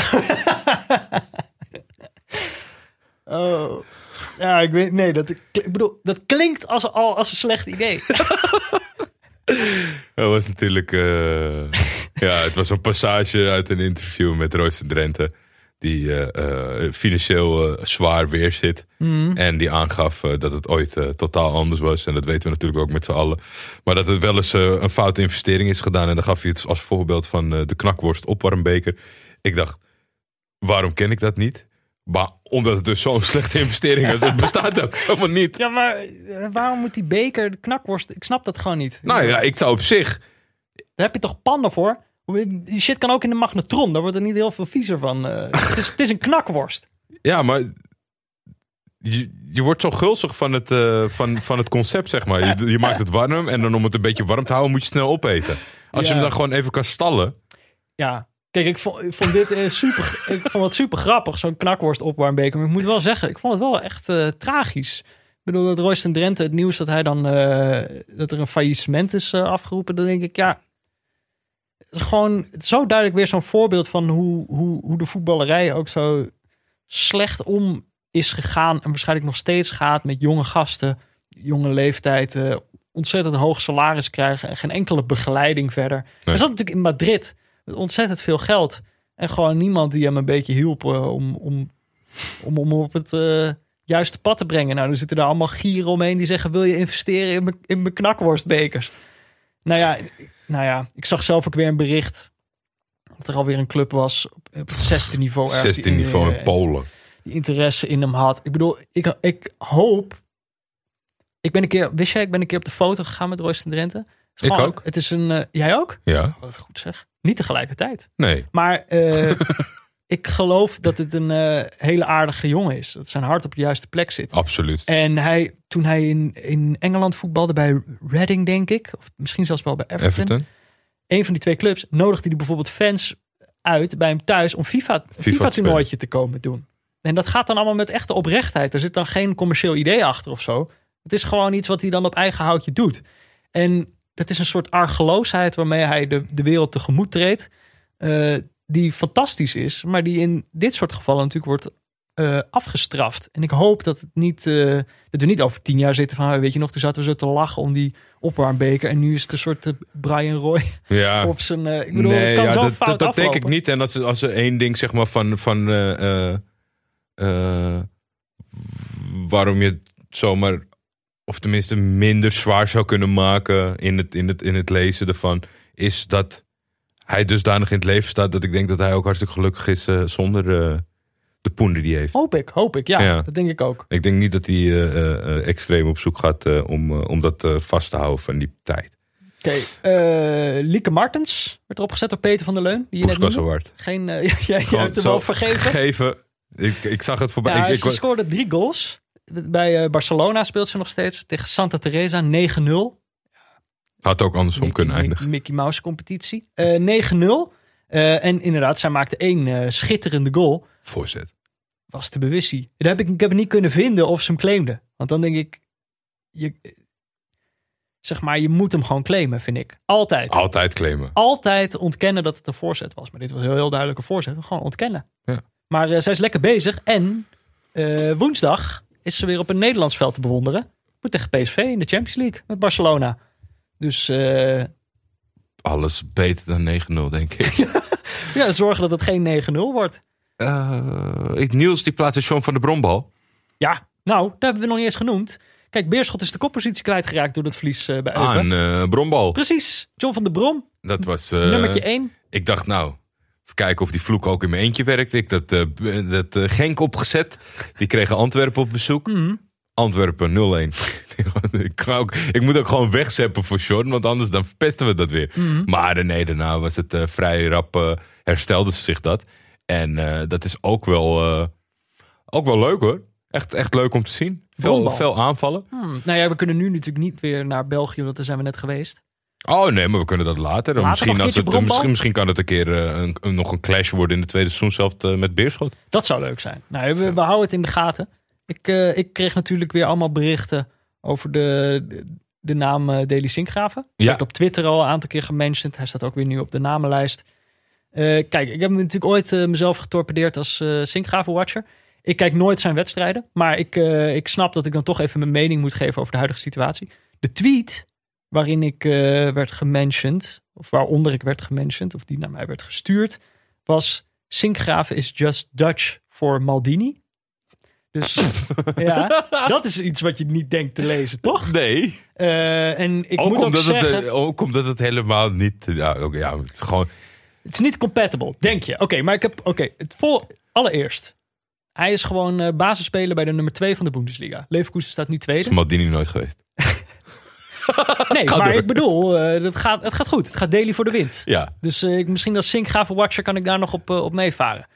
Maar het tweede was, ik ging dus even opzoeken. Wat heeft hij dan goed gedaan tijdens die wedstrijd? Nou ja, schijnbaar gewoon speelt hij al, wel, al weken gewoon goed. Speelde gewoon ook weer een indrukwekkende wedstrijd, waardoor iemand dat dus tweet. Maar later in die wedstrijd, nog na die tweet, eh, heeft hij een penalty veroorzaakt. Dan denk je, dat is eigenlijk niet zo best. En dat fragment eh, vond ik nog terug. Maar dan zie je hem tackelen. Eerst blokkeert hij al een bal. Daarna gaat hij achter die bal aan. En hij zet een tackle in. Nou, zeg maar, als je in je hoofd hebt Maldini die tackelt en Deli Sinkgraven die tackelt. In je hoofd, hè? Mhm. Blijkbaar is er iets met Deli Sinkgraven gebeurd. Die tackle, zo hard heb ik hem er nooit in zien gaan. Dus Oh. misschien is hij wel aan het veranderen in de Bundesliga. Hij is toch, wat is hij, 24, transformeren. 25? Ja, het zou dat zomaar kunnen dat Ooit hij was het een eh, aanvaller natuurlijk. Precies, maar misschien als link, moderne linksback. Zo hard als ik hem daar zag tackelen. Nou, hij verzorgt er een, eh, veroorzaakt er een penalty mee. Maar, het was wel een harde tackle. het, eh, het- ik weet het niet. Het zou zomaar heel erg goed kunnen gaan met die gast. Het grappige is, laatst was hij een keer in de selectie van het Nederlands elftal. Toen werd ik ook weer dit gementiond. Toen dacht ik nog van ja, dat, zal toch niet. Maar ik weet het niet. Nu twijfelde ik opeens. Dacht ik, oh ja, misschien is het wel een heel andere voetballer dan in mijn hoofd. Maar Zit. kan, super Maar ja, moet ik ik er echt gaan watchen? kan ik een vraag stellen puur met betrekking Oranje ja of nee? Wout Weghorst? Oh, die staat ook op de lijst? Ja. Eh, Zou je hem oproepen als je Frank de Boer was? Ja. Ja? Ja, je moet, want wat, hij heeft gewoon een unieke kwaliteit. Eh, die, we, die we in Nederland zelden hebben. En dat is gewoon irritant zijn. En je moet gewoon- ja, toch? Daar is toch iedereen het over eens? Ik bedoel, ik bedoel het helemaal niet negatief. En dat, ik bedoel dat hij gebruikt dat ook gewoon in zijn spel. Ik, ik ben er ook van overtuigd dat het in zijn voordeel is. Oh ja, eh, zeker. ongelooflijk irritante speler. Nou, die hebben we gewoon bijna nooit in Nederland. We zijn altijd, eh, we hebben altijd lievertjes of klungels of allebei. En nou ja, dat is hij in ieder geval niet. Dus ik zou zeggen sowieso. Maar ja, Luc de Jong is natuurlijk ook een beetje een irritante. Dus hij moet wel moet echt bewijzen dat hij irritanter is en een betere spits dan Luc de Jong. Allebei die dingen moet hij bewijzen. Maar verder gewoon meenemen naar het... eh, Henk Veerman meenemen. Wout Weghorst en Luc Luc Jong. Allemaal meenemen En naar Bas het WK. Dost ook. Ja, alle vier opstellen. Dat wordt het beste slotoffensief ooit. Eh, ik zie nog even van Forrest Imps Kevin Bukusu eh, voorbij komen. En daar wil ik zeker wel wat over zeggen. dan? Wat dan? Dat is eh, de eh, verdediger van NEC. Ja. Die gisteren eh, een bal zonder te kijken terugspeelde op zijn keeper. Een eigen doelpunt Nou, ja, maakte. eigenlijk niet. Hij speelde eigenlijk niet terug op zijn keeper. Nee, ja. Nou, hij speelde op de plek waar normaal een beetje een keeper staat. Speelde hij terug dacht, ja. zonder te kijken. Ja. En dat was hard gelachen. Dat was, dat was dolkomisch. Eh, traanlachjes en eh, alles. Nou, bizarre eigen goal van Bokusu. Gaat de wereld over. Viral. Wat een domme speler. Maar, dat is een keepersfout. Eh, Alblas was de keeper. Hij is 100% keepersfout. Ja, waar, Peter. waar is die gast? Hij komt dan zo aanrennen. Ja, je weet, zijn bidon aan het Maar je weet toch dat je eh, hem naast het doel moet pasen van... Kom op, FV. Het was zonder druk en wat dan ook. En oké, ga de- als je bij de paal gaat staan... dan had je die bal nog drie keer kunnen, kunnen Mhm. stoppen... als je onderweg je veters was gaan strikken. Ik kreeg echt het idee, omdat hij ook niet in het shot zat... dat hij zo erg als bij de cornervlag stond of zo. Ja. En ja, ik, ik, ik vind dat dan zo kort door de bocht... dat die jongen wordt uitgelachen voor een stomme eigen goal. Terwijl, ja, deze is Zo echt stom wel was deze helemaal op het ja. konto van de keeper te schrijven. Hoor. Ja? Jongen, jongen, jongen. Ja, je bent altijd streng voor keepers. Maar eh, ik, ik geloof je op je woord. Oké. Dan heb ik nog een andere situatie. Gek genoeg voelt het vergelijkbaar. Silas Wamangituka. Ja. Eh, Bart de Vries heeft die op de lijst gezet. Eh, gaat om de wedstrijd Bremen-Stuttgart. Dus zit ik weer in de Bundesliga. 91, 91ste minuut staat het al 0-1. Eh Wamangituka heeft dan al één keer gescoord. Maar op dat moment eh, ook een slappe terugspeelbal. Wamangituka let goed op, pikt de bal op tussen verdediger en keeper door. Kan daardoor eh, vrij op de goal af. In zijn eentje op het doel af. En dat doet hij op een, op een drafje. Dat Mhm. drafje gaat steeds langzamer. Op een gegeven moment legt hij de bal stil. Hij kijkt even achterom, van komt die keeper eraan. Legt hij de bal stil op de, vlak voor de doellijn. En dan denk je, ik bedoel, wat deed je vroeger op het schoolplein? Met je kont. Ja, eh, ja kom bijvoorbeeld. Of op je knieën en hem erin koppen. Van de grond af erin koppen. Ehm, maar dat doet hij dan net niet. De keeper komt wel weer terugrennen. En dan gewoon, als de keeper er bijna is, dan schiet hij hem keihard in het doel. Ja. 0-2. Tweede doelpunt van de wedstrijd. Wedstrijd in het slot. En eh, hij loopt eh, juichend weg. En dan komt de scheids naar hem toe. Die geeft hem geel. Scheidsrechter ontslaan. Onsportief gedrag. Waarom? Ja, dat snap ik ook niet. Ik bedoel, Wie weet was het wel in de jongens hamstring geschoten. ik, Meest, ik las ook allemaal reacties zo van ja, eh, en Messi dan? Dat is toch ook vernederend wat die, eh, wat die iedere wedstrijd doet. En Neymar, die doet toch ook allemaal, die legt toch ook Manchester United over de knie. Moet die dan geel krijgen voor iedere. ik had nog nooit zoiets gezien. En het was ook eigenlijk omdat volgens snap, mij... Er kwam, het, er kwam reactie vanuit de, vanuit de tegenstander. Mhm. Die kon het allemaal niet waarderen. Maar wat, wat doet hij nou echt? Kijk, ik wil best nog meekomen in wat jij zegt. Dat je op je buik gaat liggen en die bal eh, of, of, of, of met je pielenmuis Dat dat te eh, ver over de lijn. Dat dat hoort niet, hoort niet in het professionele voetbal. maar hij overwint die bal. Hij zet zijn- voetje op het spel. Want Mhm. die keeper wou net gaan uittrappen. Dat, dat, dat, gebeurt nog wel. En dan loop je hem heel rustig het doel in. Ja, Ja, ja nou, waar ligt de grens inderdaad? Ik vond dit eigenlijk ook nog wel voor de grens. Ja, Maar ja, eh Wamangi Tuka. Gewoon twee doelpunten. Ze hebben wel gewonnen. Volgens mij scoorde Bremen daarna nog wel. Dus het was wel... eh, kijk, dat had ik dan een mooie straf gevonden. Dat je gewoon meteen de tegengoal krijgt. Maar eh, het mocht niet meer baten. nu we het toch over scheidsrechters hebben. Ja. Er staat drie keer Bernie op. Bernie, is Raymond Blom. Bernie Raymond Blom. Ja. Roepnaam Kevin. Die snap ik ook nog steeds niet. Maar dit is wel dit is uitstekend. We hebben natuurlijk Danny Desmond Makkely. Ja. Maar we hebben ook Bernie Raymond Blom. En Bernie die heeft... eh, Werd erop eh, gezet door Marty van der Party, Kwebeman en Thijsje P. Vind ik toch, moeten, als ze dan toch het bijdragen aan het script, wil ik ook even zeggen wie dat gedaan heeft. Oké, Dus die heb je helemaal gelijk in. Maar er is Maar de ja, dat, is een zaak. Een rel. Smaad, laster hoor ik. Eh, advocatenbonnetjes geclaimd. Het is een rel, zeg maar in de zin van dat het, het gaat helemaal mis. En de, grote klachten over... Anonieme bronnen. Ja, het is echt een rel, maar het is ook, het is heel saillant, het is ook heel saai. Toch? Want het gaat uiteindelijk dan over declaraties die hij wel of niet had mogen doen. Eh, volgens mij ligt Maar dat- waar dat, wat ik niet heb kunnen vinden. De scheidsrechtersbond heeft hem, heeft hem eruit gegooid nu. Ja, omdat hij de kas heeft leeg gedeclareerd. Ja. Het staat helemaal een heel klein kastje. En ze zouden- kas leeg. Wat stond er nou in dat artikel? Dat zei dat het eind van het jaar hadden ze een jubileum. Nou, het zal een leuk feestje Nou, worden. Of aan het eind van het seizoen of zo. Ja, kunnen we geen feestje vieren. Bernie Raymond Blom heeft alles gedeclareerd. Maar waarom had hij een advocaat nodig en mocht hij dat declareren bij zijn vrienden van, eh, van de scheidsrechtersvereniging? Ja, maar dat mis ik. Maar daarom is die rel zo saai, omdat er staan dan bedragen in dat je denkt, oh, dat is wel veel geld, maar je kan helemaal niet inschatten of dat dan veel is voor die bond, waarvoor het gedeclareerd is, hoeveel andere scheidsrechters declareren. Dus het voelt gewoon niet, zeg maar, ook nu voelt het eigenlijk al vies om erover te praten, omdat ik denk, ja, je hebt geen idee eh, waar, waar, waar dit eigenlijk over gaat en hoe bizar dit eigenlijk is. Toch het enige bizarre was dan, er was al gezegd, Bernie, Kap. misschien even niet meer declareren, ergens voor de zomer. Toen heeft hij in de zomer nog 9000 euro. Dan dacht ik, 29. 29.000 29? Nee, volgens mij was het minder. Ja? Minder wil ik hem toch even een beetje. Anders gaat hij mij ook Maar dan dacht ik, als iemand het al gezegd heeft, doe het dan even niet, weet je wel. Maar ik weet niet wat de rel is. Kijk, als dit studio voetbal was, dan had, er iemand aan tafel die die informatie waarschijnlijk had. Maar wij blijven dan toch gewoon een beetje ouwe hoeren. Gissen. Gissen. en gewoon iemand, iemands imago besmeuren. KNVB zegt overigens eh, geen probleem. Hij mag gewoon blijven fluiten. Oké. Dus ik denk... Mocht iemand, eh, eh, iemand weten, neutralekijkers.gmail.com. Heel graag hoor ik eh waarvoor... Klokkenluiders. Waarvoor... Anonieme scheidsrechters in de een- mailbox. In welke zaak die advocaten mocht...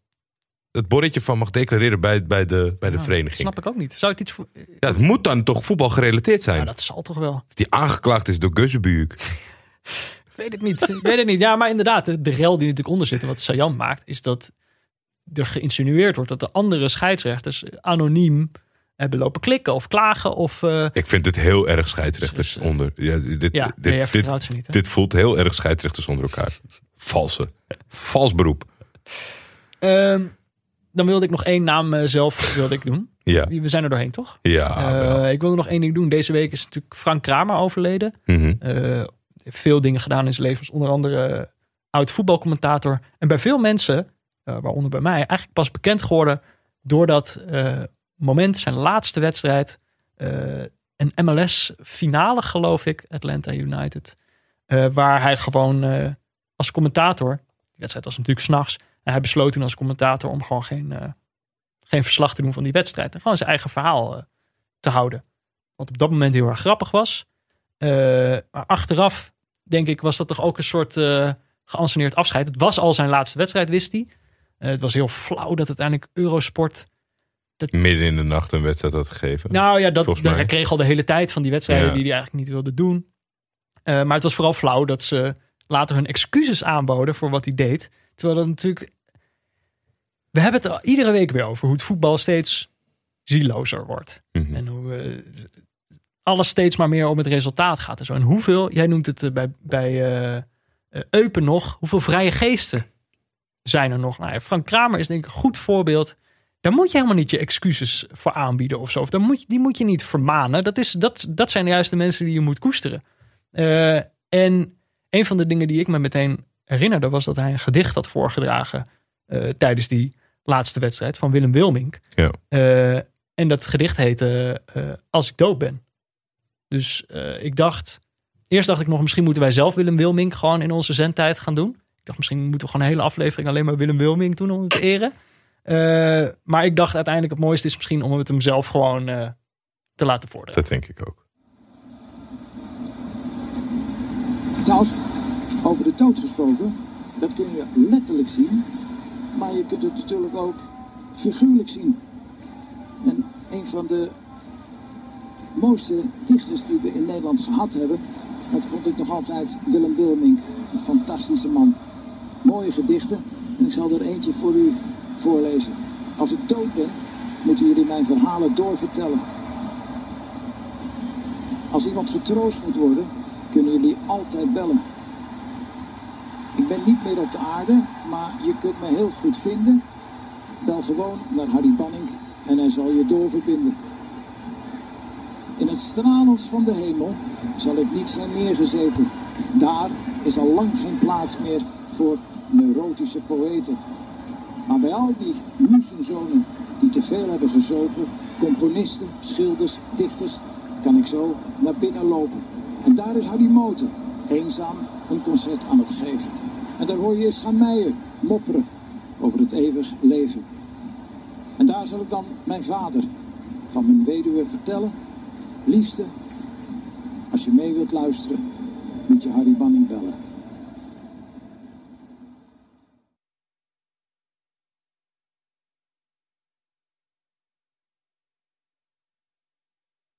Oké, volgende week moeten we weer een wedstrijd kijken.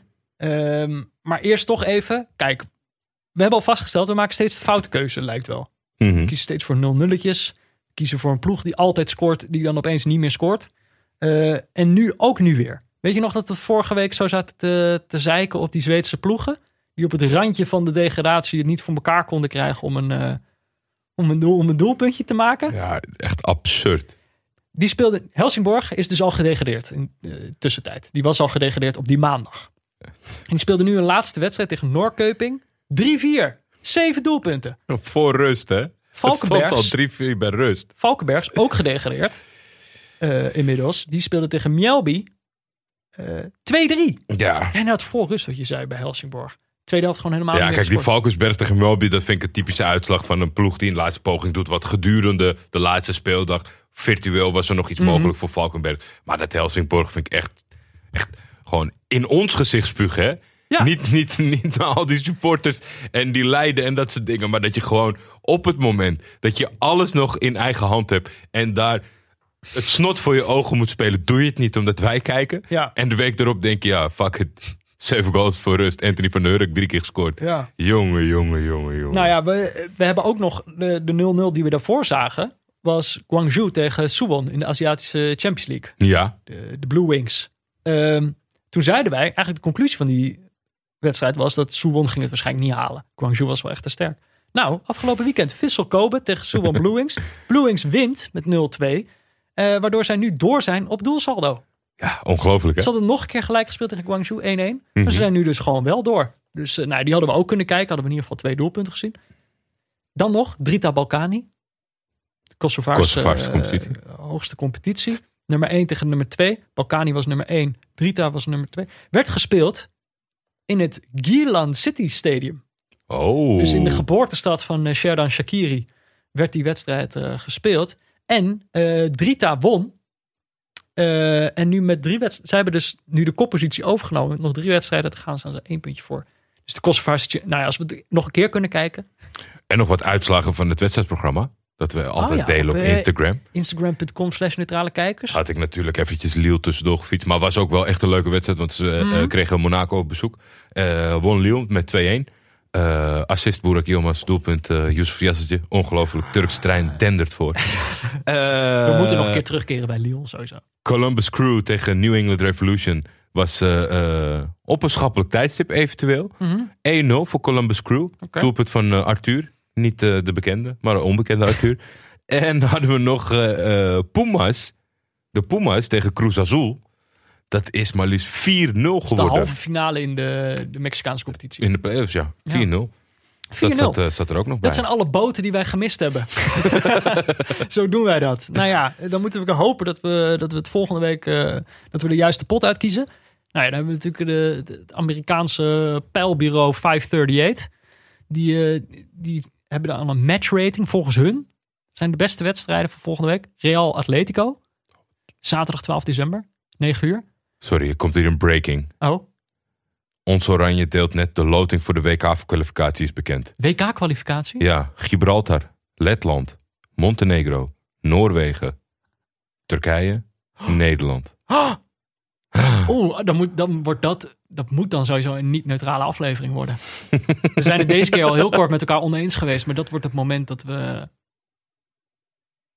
Nou ja, wat een, wat een leuke Ik ben er nog even stil van. Ja, ik ook. Nou ja, we moeten even kijken wat het voor gevolgen. Nou ja, het is wel fijn dat ze in één pool zitten. Dan kunnen we neutraal kijken. Kunnen we daaromheen dan. eh, Samen, ja, maar dit is de, kwalificatiepool, Ja, ja, hè, dus ja, dat maakt helemaal niet ja, zoveel ja, uit. Maar wel leuk. Oké, oké, oké. Mag, ik, eh, mag ik nog even verder met Ja, 538? zeker.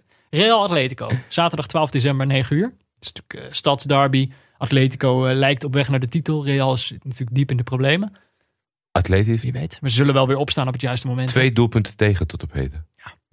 Gaan we niet naar kijken. Ja, maar dat zie je ook, dat het 538-model... eh, er zit wat in, Ja. maar er zit ook wat fout in. Het gaat ook Want die importance, ja. die, is, die is te zwaarwegend. Het gaat over inderdaad het belang van de wedstrijd. Ja. Dat zie je natuurlijk heel groot. Paris Saint-Germain, Lyon.